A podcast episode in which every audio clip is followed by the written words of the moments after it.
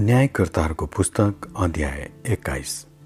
बाँकी रहेका बेन्यामिनीहरूका निम्ति पत्नीहरू।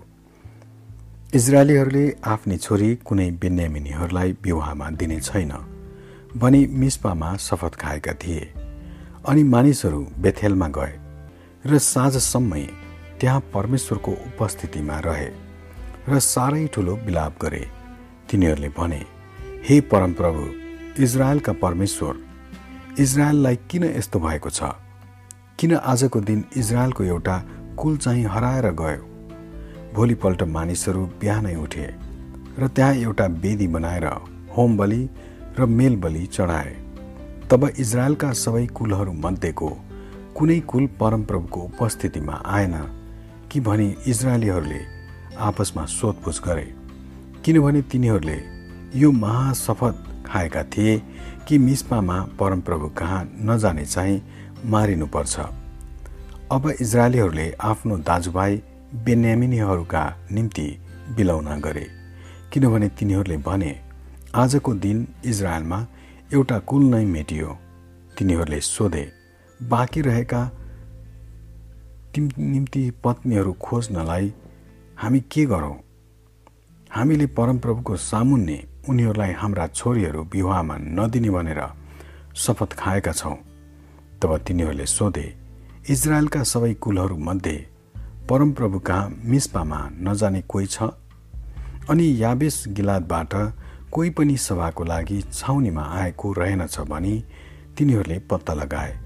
किनकि जब तिनीहरूले मानिसहरूको गन्ती लिए तब याबेस गिलादको कोही पनि उपस्थित भएको भेटाएनन्।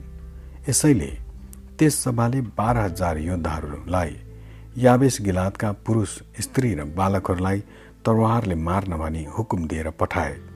तिनीहरूले भने तिमीहरूले हरेक पुरुष र पुरुषसँग सहवास भएकी स्त्रीलाई मार्नु तर कन्ने केटीहरूलाई चाहिँ छोडिदिनु।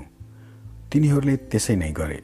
याबिस गिलादका बासिन्दाहरूमध्ये चार सय जवान स्त्रीहरू भेटाए जसको कुनै पुरुषसँग सहवास भएको थिएन। अनि तिनीहरूले यिनीहरूलाई कनानका सिलोको छाउनीमा ल्याए। तब जम्मै सभाले रिमोनको चट्टानमा भएका बेन्यामिनीहरूलाई शान्तिको प्रस्ताव गर्न डाकी पठाए। यसकारण बेन्यामिनीहरू फर्केर आए र उनीहरूलाई यावेश गिलादका ती स्त्रीहरू दिए जो बचाइएका थिए। तर उनीहरूका निम्ति ती यथेष्ट भएनन्। मानिसहरू अझै पनि बेन्यामिनको निम्ति बिलौना गरिरहे।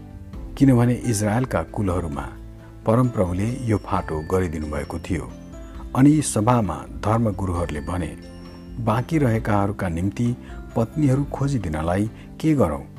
बेन्यामिनका सबै स्त्रीहरू त मारिए।